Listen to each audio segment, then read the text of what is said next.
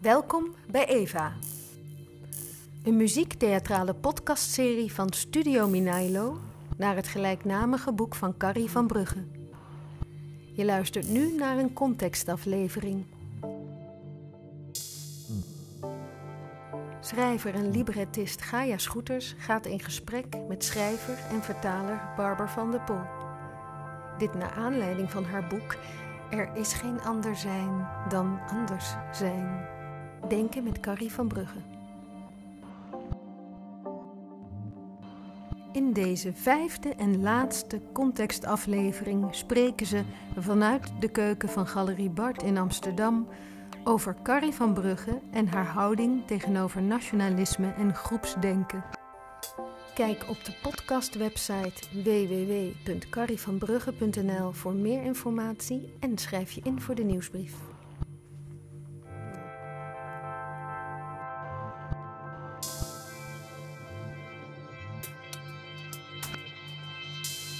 Een hele fijne middag. Ik ben schrijver Gaia Schoeters en ik maak samen met Charme Minailo maak ik een aantal podcasts over Carrie van Brugge en Eva, een boek van haar. En tegenover mij zit helaas voor het laatst Barbara van der Pol en die heeft een boek geschreven over de figuur Carrie van Brugge. Dat boek heet Er is geen ander zijn dan anders zijn. En vandaag gaan we het hebben over Carrie en de ismen. Wat met de ismen, Barber? de ismen. Ja, en dan misschien met name, om te beginnen, het nationalisme. Ja, als we beginnen met het nationalisme, dan denk ik dat we moeten beginnen met, met een pamflet tegen nationalisme dat Carrie geschreven heeft. En dat heet Vaderland, Mensenliefde en Opvoedkunde. Ja, ja, ja. Ja, dat is uit 1916 en het is, uh, ja, ik heb een authentiek exemplaar thuis, maar dat is totaal verkruimeld. Maar je kunt het wel ook eh, op internet vinden, dit uh, prachtige, ja wat is het? Het is een brochure, een pamflet. Zij schreef uh, vaker um, essays, uitgebreidere essays, die dan apart werden uitgegeven daarna weer als brochure. Ze, was best uh, populair, zoals je begrijpt. En uh, ze werd uh, genoeg gelezen om, om dit soort dingen als uitgever te, te, doen. Het is een, een pamflet, het is een demasqué van het fenomeen, fenomeen nationalisme, heel satirisch pamflet. ik vind het buitengewoon behartenswaardig. Als ik denk aan de belangrijke pamfletten zoals ik die heb meegekregen tijdens mijn leven. Um, laten we zeggen van de laatste 30 jaar of zo. Dan vind ik het van eenzelfde kwaliteit als Karel van het Rever, die zijn Huizinga-lezing hield tegen de onleesbaarheid van de taalwetenschap, waarmee hij een geweldige knuppel in een hoenderhok heeft gegooid. Ik denk ook aan Louise Fresco, ook een Huizinga-lezing, die een keer uh, die in haar lezing uh, de stelling verdedigde dat de natuur helemaal niet uh, moederlijk was voor ons, maar dat we echt als mens ontzettend ons best moesten doen ook uh, via de wetenschap om genoeg voedsel te produceren voor de hele wereld. Dus eigenlijk tegen de biodynamische winkeltjes van toen, waar veel romantiek omheen hing. Um, nou ja, en Joke Koolsmit, wat dacht je daarvan? Het onbehagen van de vrouw. Daar, ze heeft nog een pamflet geschreven. Um, Carrie van Brugge, daar komen we straks vast nog wel even op. Dat, gaat, uh, dat heet Twee moderne vrouwen. Dat is leuk om die twee pamfletten met elkaar te vergelijken. Ja, en toch ook met de multiculturele samenleving van Paul Scheffer. Ik vind dat dat uh, pamflet van uh, Carrie van Brugge van dezelfde kwaliteit en van hetzelfde belang.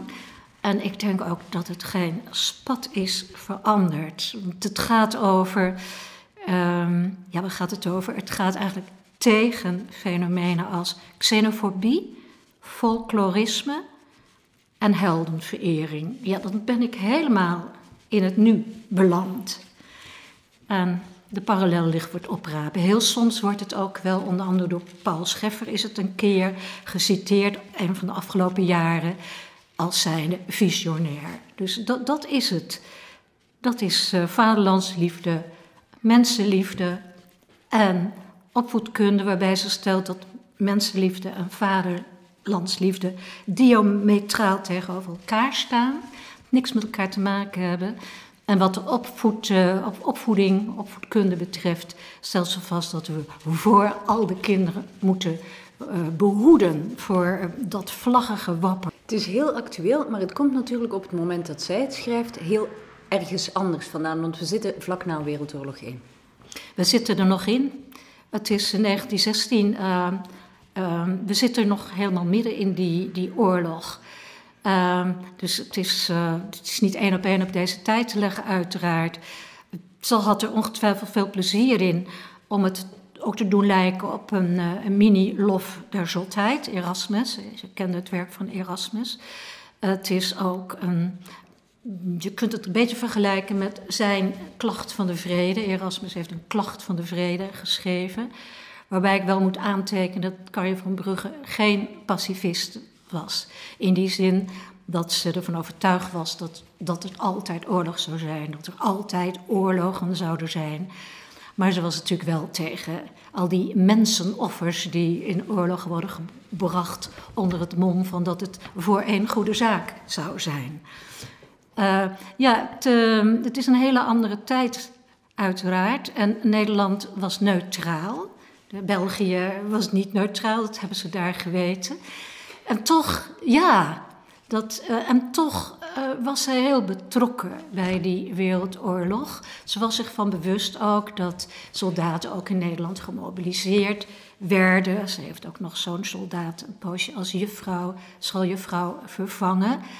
Uh, heel, erg, heel erg veel heeft ze er niet over geschreven hoor, over die tijd en wat het met haar deed. Niet in haar romans of zo, opmerkelijk weinig zelfs. Ik denk wel eens, waar is de oorlog dan? Maar in dit pamflet heeft ze het, uh, het wel gedaan. En ik heb wel een, misschien een verklaring voor waarom haar dat, speciaal haar dat nou zo hoog zat. Uh, zij uh, was uiteraard dat gediscrimineerde uh, Joodse uh, kind. Dus ze was overgevoelig voor dat soort volksbewegingen, dat soort emoties. Groeperingen die dachten dat het een mocht uit naam van iets hoger en het ander weer niet. Um, en zij is opgegroeid in de 19e eeuw. Hè. Ze is in uh, 81 geboren. 1 januari 81 is zij uh, geboren, Carrie van Brugge. Uh, de 19e eeuw was een heel nationalistische eeuw. In die zin van dat toen uh, naties, landen zichzelf gingen uh, definiëren en zochten naar, ja, naar, naar helden en naar liederen en van alles wat dan dat land, de eenheid van dat land zou vertolken. Het is, het, het is de tijd dat het Nederlandse volkslied, hoe heet het, weer Nederlands bloed door de aderen stroomt. En, en, dat soort uh, hele mooie melodieën, doodenge teksten als je erover nadenkt, ontstonden. Dat heeft zij natuurlijk als kind ook allemaal meegemaakt, gevoeld. Hoe dat zat. Heeft uh, meegemaakt uh, hoe de Joden enorm vervolgd werden in heel Europa, maar met name dan in Rusland, want daar heeft ze het in ieder geval heel regelmatig over. Hoe er werd gecollecteerd voor de Joodse, uh, de, de, Russische Joden die, die moesten vluchten voor de pogroms. Uh, ze was zich bewust van, bij wijze van spreken, van de gevaren zijn overal en oppassen is geblazen. Dat is haar waakzame houding, kan ik daaruit verklaren. Ja, je zei net, de 19e eeuw was een heel nationalistische eeuw. Onze eeuw is een heel identitaire eeuw, maar een eeuw die ook in zekere zin weer helemaal in de waan is van dat nationale, van de taal ook. Bij Carrie komt het ook neer op taal is een middel tot identitair denken, tot patriotisch denken. Ja, het, uh, taal, daar heeft ze heel veel zich over geuit, over het fenomeen taal. Um, het, is, het is boeiend en soms hartverscheurend hoe zij uh, nationalisme weet te verbinden met taal, met taaluitingen. Um, zij had uh, sowieso een broertje dood aan, niet alleen nationalisme, maar nog een paar ismen. En uh, de belangrijkste daarvan is waarschijnlijk purisme uh, geweest. Het idee van dat iets zuiver zou zijn, zou kunnen zijn. Nou ja, in ieder geval, ze ontmaskert het, het, het wij-gevoel, zoals dat door politici werd gevoed als zo met kreten dus over schoonheid, zuiverheid en uniciteit van onze taal. Terwijl, eh, stelt ze vast, niets zo willekeurig, rommelig en subjectief is en hoort te zijn als taal. Taal is voortdurend in verandering. Ja, ik weet niet hoe het hier bij jullie in Nederland zit, maar bij ons in Vlaanderen in elk geval is dat nationalisme heel erg taalgebonden. Die twee dingen zijn bij ons ja, onlosmakelijk met elkaar verbonden. Is dat ook iets wat in Nederland in dezelfde mate speelt, denk je? Dat in, in de tijd van nu de zuiverheid van het Nederlands, de Nederlandse taal, samenhangt met het nieuwe populisme? Ja, het, ja ik, ik denk, ja, daar moeten we zeker even. Ik denk dat, dat, die volkshuis waar ik net over had, het is. Uh, ook weer zoiets van, ja, wat, wat is een volk? Wat is een taal? En taal ontstaat altijd door een hoop willekeur en een hoop gewelddadigheid. En zo zijn landen ook ontstaan. Dus dat geeft al meteen toch de nodige uh, aanleiding tot relativering en sceptisch en zo. Dus dat is heel duidelijk haar insteek pas toch op met die woorden. Ja, nee, het is, het is werkelijk zo. Ik, uh, het valt mij altijd op. Ik, uh, ze heeft er nog één. En dan gaan velen in Nederland huiveren als ze dit horen. Ik zal het voorlezen. In de gedachte dat er over een eeuw of twee geen Hollands meer zou worden gesproken, ligt niets bedroevends of ontstellends. Waarmee ze werkelijk wil zeggen: de dingen gaan zoals ze gaan. En uh, het is niet zo dat je moedwillig je taal kwanselt of zo, maar de dingen die gaan zoals ze gaan. En ze vindt het veel enger dat je dat uh, tegen, de, tegen de natuurlijke beweging in zou uh, beschermen.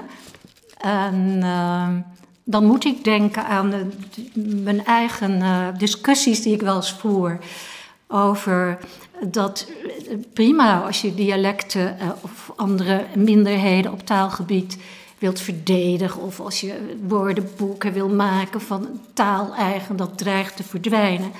Maar het is ook ontzettend belangrijk om te letten op dat mensen überhaupt elkaar kunnen begrijpen. Een heel groot deel van de wereld is er juist schreeuwende behoefte, zal ik maar zeggen, aan globbish. Gewoon een het Engels wat we met elkaar uh, kunnen spreken en via welke we elkaar uh, kunnen uh, ver, begrijpen, verstaan. Ik vind het heel spannend om het van jou te horen, want je bent natuurlijk ook vertaalster, dus je kent de waarde van het omzetten van elke nuance naar die ja. eigen taal, maar tegelijkertijd pleit je dus voor een soort ja, liefde voor het internationale Engels, waar, waar we ons allemaal van mm. bedienen als een middel tot communicatie. Nou, ik sluit me aan bij haar. Dat het niet erg zou zijn als over twee jaar dat Hollands is weggezakt. Als vertaler weet ik dat het, uh, als vertaler doe je iets heel hybride-achtigs. Je zit tussen twee talen in. Je zit op een oude taal, zit je eigenlijk een nieuwe te enten met jouw middelen. Uh, ik las een, uh, een heel mooi essay van Olga Tokarczuk, die Nobelprijswinnaar, ook vertaalster. En, ze heeft dat in het blad Nexus geschreven. Uh, dat, een voorbeeld, Montaigne. Een Fransman die leest dat als iets, ja, klassieks, oud, een beetje, een beetje saai. Kan de kwaliteit er wel van inzien. En in Frankrijk moet je de klassieken lezen, dus ze zal ze ook nog lezen. Ook. Maar als je Montaigne in vertaling leest, dan is daar dus een stem over, een ontwikkeling overheen gegaan. Een, een, ja, een, een, een andere tijd heeft zich daarin ook gemengd. En dan krijg je weer iets, iets nieuws. Hetzelfde, anders. En ja, voor dat soort ontwikkelingen zou ik altijd willen gaan. Maar, maar het brengt ons inderdaad weer bij Carrie's afkeer van alles wat dogmatisch wordt, van alles wat dwingend wordt en voor een soort respect en accepteren van verandering en maatschappelijke verandering om je heen. Ja. Ze gaat daar dan verder mee aan de slag in hedendaags fetischisme, waarin ze eigenlijk taal als fenomeen nog wat nauwer gaat bekijken. Ja, ze probeert ook daarin, uh, hedendaags fetischisme uh, leunt ook wel sterk tegen uh, Prometheus aan, in zoverre... Kijk, Prometheus was niet een veelgelezen boek, hè? dat kon ze natuurlijk niet uitstaan, want het stelde heus wat voor. Er zat hele grote bewonderaars, maar het grote publiek, wat dacht je? Nee. En dus komt ze in het eerste deel van het boek, gaat ze toch weer die theorieën van Prometheus uiteenzetten. Maar daarna is, uh, ja, waanzinnig rommelig en geestig. Het is eigenlijk één grote moppetrommel. Uh, wat er dan volgt op het gebied van uh, ja, de taal van de, van de heilige huisjes. Ze gaat de tachtigers parodiëren. Ze gaat weer politici aanvallen die zo hun verkeerde ideeën hebben over hoe dat moet. Met dat wij-gevoel en zo. ja, ja, dat wijgevoel, want taal is een middel om dat groepsgevoel, waar ze dus eigenlijk nogal afkerig van staat, hè, individualisme, collectivisme, taal promoot dat groepsgevoel. We spreken dezelfde taal, we horen tot dezelfde groep. Ja, en dat is, dat is natuurlijk ook zo. En het woord wij is geen onzin. Maar ik zou bijvoorbeeld willen zeggen: iedere schrijver is zijn eigen minderheid. Een schrijver is veel meer zijn eigen minderheid dan dat hij nou zo speciaal deel uitmaakt van de wijschrijvers van een bepaald land. Of de wijtijd hè, waarin we toevallig geboren zijn. Als het goed is, uh, ben je een minderheid uh, binnen dat, dat, dat collectiverende geklots om je heen. Het is al wel moeten. Dat is ook de lol ervan en het belang er eventueel van.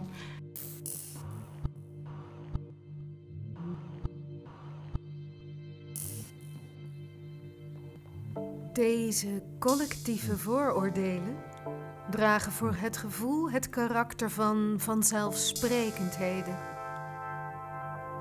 Waar deze heerschappij voeren, wordt aan kritisch onderzoek niet meer gedacht. De groepsdrift is de fundamentele begripsverduisterende collectieve bevangenheid die de mens overal doet zien wat hij gelooft te zullen zien. Op de basis van de door de groepsdrift geïnspireerde indelingen, seksualisme, nationalisme, aristocratisme, worden verschillen verwacht en derhalve geconstateerd die niemand meer zou constateren wanneer deze indelingen door anderen, uit de reden gesproten, vervangen zouden zijn. Uit Hedendaags Fetischisme, 1925.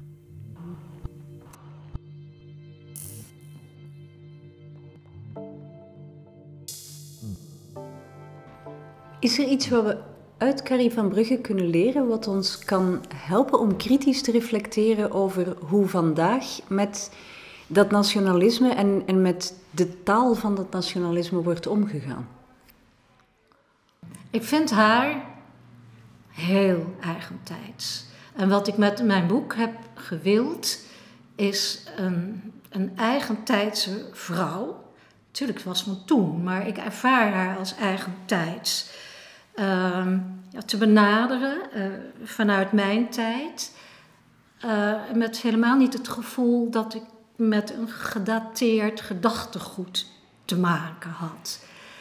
Wat je uit haar werk kunt leren is dat, het, uh, dat schrijvers heel visionair kunnen zijn. En hoe fantastisch is dat eigenlijk niet? Want ik ervaar haar als eigen tijd, maar zij was in haar tijd uiteraard visionair. En wat je van haar kunt leren is ja, die, die lessen ten aanzien van uh, xenofobie, uh, folklorisme, uh, populisme en zo. Die, die grote angst daarvoor. je zou dat serieus kunnen nemen. Maar ze is uiteraard niet de enige schrijver die daarover haar zegje heeft gedaan. Het is wel zo dat zij een heeft geschreven. En dus niet alleen um, dat taalfilosofisch werk of, of die pamfletten. Maar ook gewoon haar fictie. Waarin je ziet gebeuren hoe het is om gemangeld te worden. En waarin je steeds ziet hoe een individu probeert haar plaats te veroveren. En in feite hoe ontiegelijk moeilijk het is. Misschien is een les van Carrie van Brugge nog wel dat, dat uh, individualisme zo makkelijk nog niet is.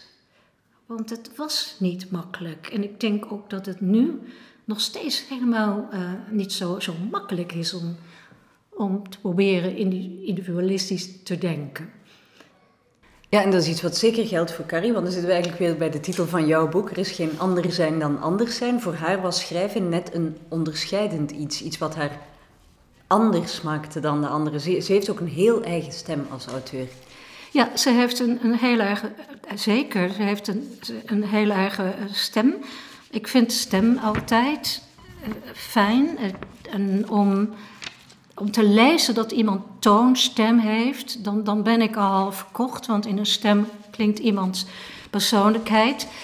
Um, we moeten ook niet al te stoer doen over dat, dat wij en uh, je, bent een ik en dat is bovendien hadden we alles vastgesteld, uh, een vloeibaar ik.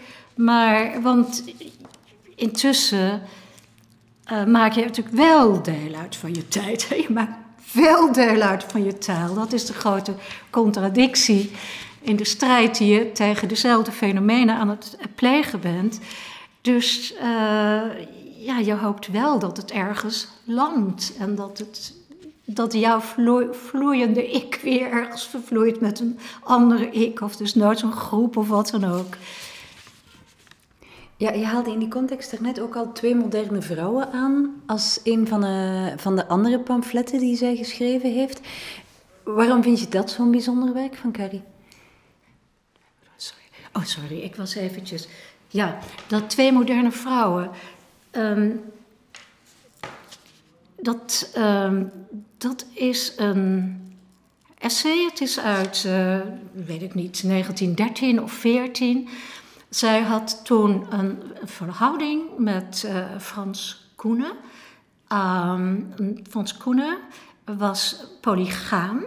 Die had meer vrouwen en dat wist ze ook. En dat accepteerde ze ook. Dat, eh, typisch Carrie, ze wilde de dingen uh, begrijpen en dan accepteerde ze het ook. Ik bedoel, zij zal het populisme ook niet zozeer geaccepteerd hebben, maar wel hebben geprobeerd te begrijpen. Hè? Dat is een, een subtiel verschil. En in Twee Moderne Vrouwen, daar, daar vind je uh, het terug wat haar, haar ja, ideaal is een groot woord, maar misschien dan hup dan maar. Een ideaal is uh, ten aanzien van de verhouding tussen man en vrouw. Uh, zij acht zichzelf dus geen haar minder dan een man. Uh, zeker dus niet uh, wat denken betreft en, en ook niet wat uh, schrijftalent en zo betreft. En ze heeft een, de hoop dat de man dat zou accepteren en beseffen. En van daaruit, als hij dat accepteert, dan wil zij, en dat heeft met seksuele te maken, dan, want dat is bij haar veel ingewikkelder, dan mag hij de heerser zijn. Maar verder moeten ze gelijkwaardig zijn. Ze verdraagt het helemaal niet dat zij betutteld wordt of uh, ja, als de mindere wordt beschouwd omdat ze toevallig een vrouw is. Um, en dat ja, in Twee Moderne Vrouwen, daarin uh, vergelijkt ze twee boeken. En het ene is van Bernard Shaw en dat is uh, Candide. En dat, Bernard Shaw is een van haar literaire helden. En tot haar grote teleurstelling uh, moet ze ontdekken, als ze dat boek recenseert, dat die Candide ja, zo'n vrouw is die zij helemaal niet meer wil zijn. Inschikkelijk, toch een beetje ja, meisjesachtig, behaagzuchtig. En nou ja, prototypisch uh, vrouw. Zij wil niet prototypisch vrouw zijn, ze wil mens zijn. Dus het is een eeuw geleden en ze heeft dus twee polen. Acceptatie van vrouw als totaal mondig en gelijkwaardig. Hè, mentaal, intellectualistisch en zedelijk en ga maar door. Maar op het erotische vlak, eh, daar vond ze het ingewikkelder. En daar deed ze uitspraken over die wij misschien nu, weet ik niet, gedateerd. Ik kwam uh, niet zo lang geleden een, uitspraak tegen van Nina Polak. Ik zeg het ook in het boek, want ik vind dat leuk, dat soort dingen te horen of te lezen. Die ook iets had van, op seksueel gebied weet ik het niet. Dat, daar heeft het toch heel erg te maken, seks heeft toch erg te maken met ongelijkheid. En wat man-vrouw betreft ook met uh, ja, lichamelijke kracht, daarin verschil. Dus, uh, enfin. Je zei, Carrie is in, in zekere zin heel visionair gebleken. En dat is ze ook um, bijvoorbeeld in haar houding ten opzichte van religie. In De Verlatene heeft ze het over het secularisatieproces van vier kinderen in een gezin, die zich eigenlijk losmaken van het dogmatische van het Joodse geloof. Nu, haar broer, haar lievelingsbroertje, Jacob Israël de Haan, was op een heel andere manier veel religieuzer dan zij. Hoe zat die verhouding in elkaar? Ja, dat is uh, uit elkaar gegroeid. Uh, wat denkbeelden betreft is het zeker uit elkaar gegroeid. Um, zij had veel uh, bewondering, toch ook wel voor zijn overgevoeligheid. Ik bedoel, zij heeft dat nooit um, bespottelijk of minderwaardig gevonden. Ze begreep dat hij zo worstelde met wellicht ook zijn homofilie, maar ook zijn religieuze gevoelens. Ze zijn uh, nooit uh, uit elkaar gegaan. Er is uiteraard een zekere uh, ja, vervreemding tussen hen gekomen, omdat zij een hele andere weg ging dan, dan Joop. Uh, maar dan als je Eva leest, Eva is zo'n fantastisch boek, omdat dat hele leven daar weer uh, in terecht is gekomen. Geldt voor meer romans, maar vooral voor Eva. Dat gaat het langste door in haar eigen leven als je dat op elkaar wilt leggen. Daar, uh, daar vindt dat prachtige gesprek plaats tussen de weduwe van David, voor wie de, uh, Jacob Israël uh, model heeft gestaan, dat, dat leidt geen twijfel. En dus uh, de hoofdpersoon van Eva, Eva. En daar staat Carrie van Brugge voor. En daar doet ze allerlei uitspraken in die erop de, wijzen dat ze in feite werkelijk ongeveer alles wenst te begrijpen. Ook alles wat afwijkt, misschien zelfs van haar eigen denkbeelden. Maar die homofilie, die, die, die weduwe, die suggereert nog van ja, dat is een ondergang geworden. Nou, het, het, het, werkelijk, ze aanvaardt het. Iemand is, is gebekt zoals hij is en zingt zoals hij is. En zelfs, hij heeft geen zelfmoord gepleegd uh, in dat boek. Al wordt een beetje gesuggereerd, hij heeft zijn longziekte verwaarloosd. Maar ook dat wenst ze te begrijpen, want dat vindt ze een, een waardiger dood, de zelfgekozen uh, moord, dus de zelfmoord, dan bijvoorbeeld als uh, soldaat geslachtofferd worden of in een duel uh, ten onder gaan. Um, zij heeft buitengewoon getreurd om de dood van die broer. Heeft ze prachtige in memoriam geschreven waarin ze vooral terugdenkt met, uh, ja, natuurlijk met pijn in het hart, aan hoe ze vroeger samen klein waren en uh, hoe erg het was dat hij nooit meer, uh, ja, dus Zandam en dat water en die sluisjes en zo zou zien. Maar waarin ze ook haar diepe bewondering uitspreekt, juist voor ja, zijn getroubleerdheid, zijn ingewikkeldheid, zijn, het feit dat hij echt nooit een compromis heeft willen sluiten ten aanzien van uitspraken als uh, de zaken gaan voor het meisje en uh, het was een dromer. En zelf was ze misschien de dromerij voorbij. Maar ze heeft eigenlijk ook altijd in haar werk, zijregeltjes, de Don Quixotes en toch ook de Prometheus en de Fausten als, als eenlingen, als ja, eenlingen die iets willen. Hè? Dus uh, idealist, oké, idealisme, nee, dan ga je weer. Marxist, ook, uh, nee, uh, Marx zelf, ja. En, ja, dus dat is heel mooi zoals ze dat gedenkt, ook in, in Eva. Maar ze waren uit elkaar gegroeid en Jacob Israël de Haan, die, die ging van het een naar het ander. Die, die schoot al de ene kant uit en dan schoot hij de andere kant weer uit. En in Israël is hij uiteindelijk door Zionisten doodgeschoten, uh, omdat hij um, vermoedde dat hij um, met Palestijnen heulde, zoiets. Ik bedoel, ik heb alleen maar de biografie van Jaap Meijer over hem gelezen, maar je vindt overal dezelfde conclusie. Ja. De grootste uitwas zeg maar, van het nationalisme van de 20e eeuw, de Tweede Wereldoorlog, die is Carrie bespaard gebleven. Daaraan is ze als Joods meisje ontsnapt.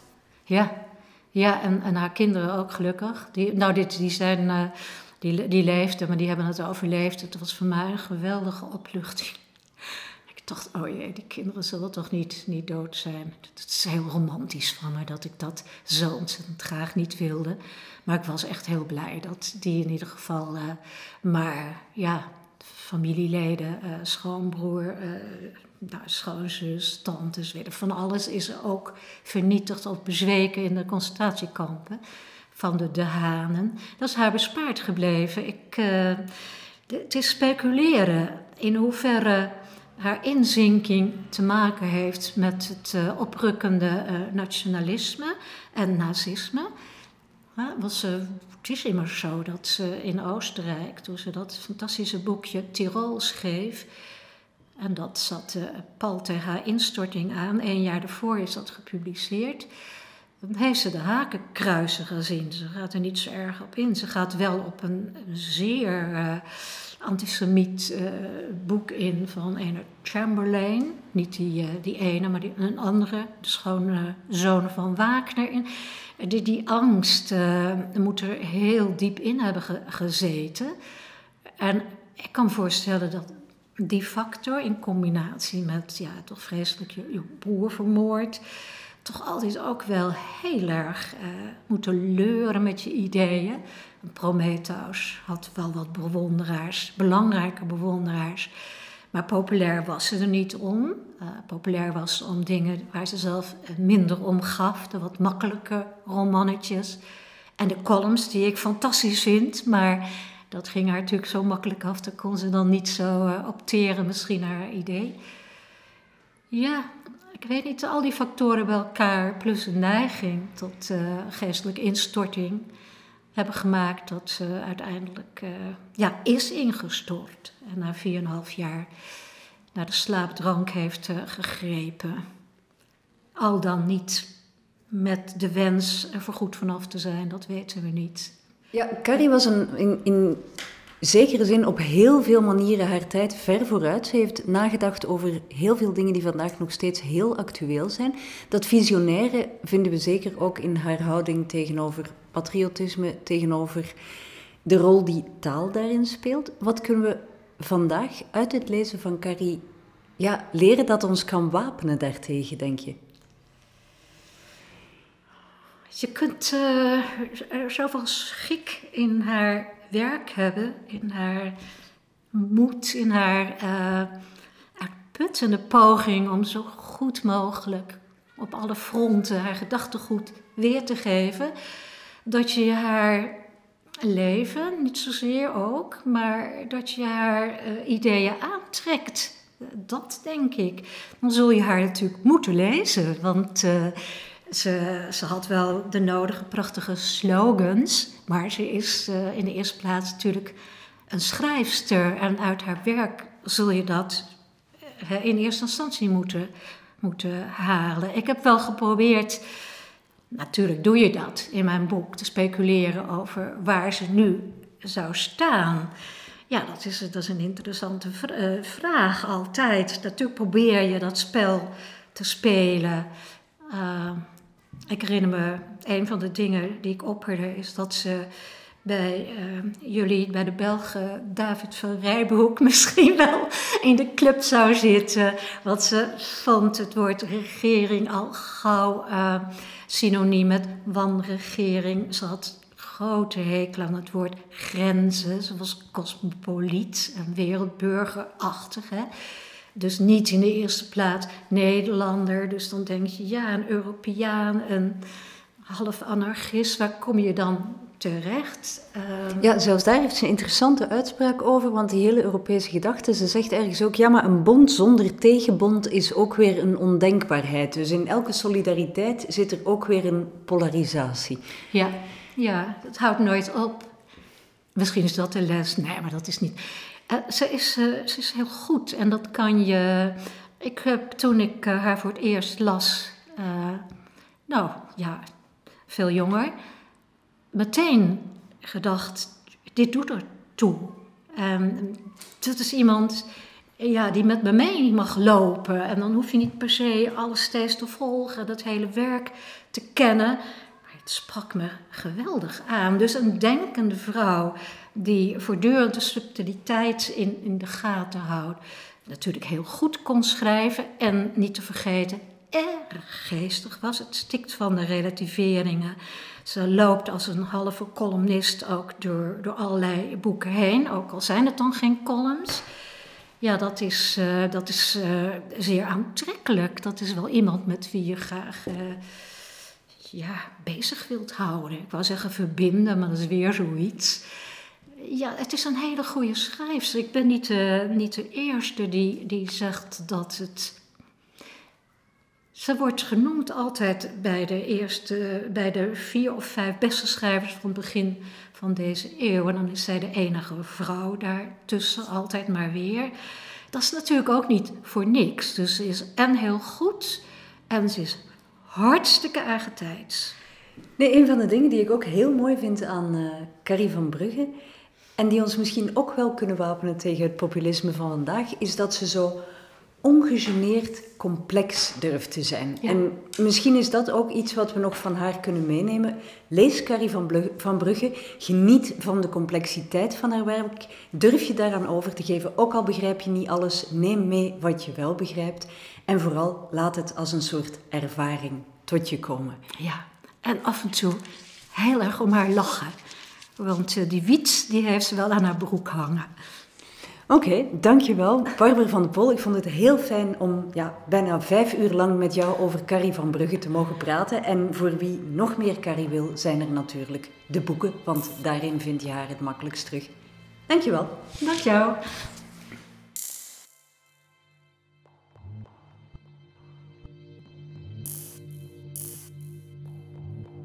Je luisterde naar een contextaflevering van de podcastserie Eva vanuit Galerie Bart in Amsterdam. Je hoorde Gaia Scooters in gesprek met Barber van der Pol. De podcast is geproduceerd door Studio Minailo, opgenomen door Koen Kevel van PME Technica en muziek van Stephanie Jansen. Wil je meer te weten komen over Eva? Volg deze podcast of kijk op www.carrievanbrugge.nl.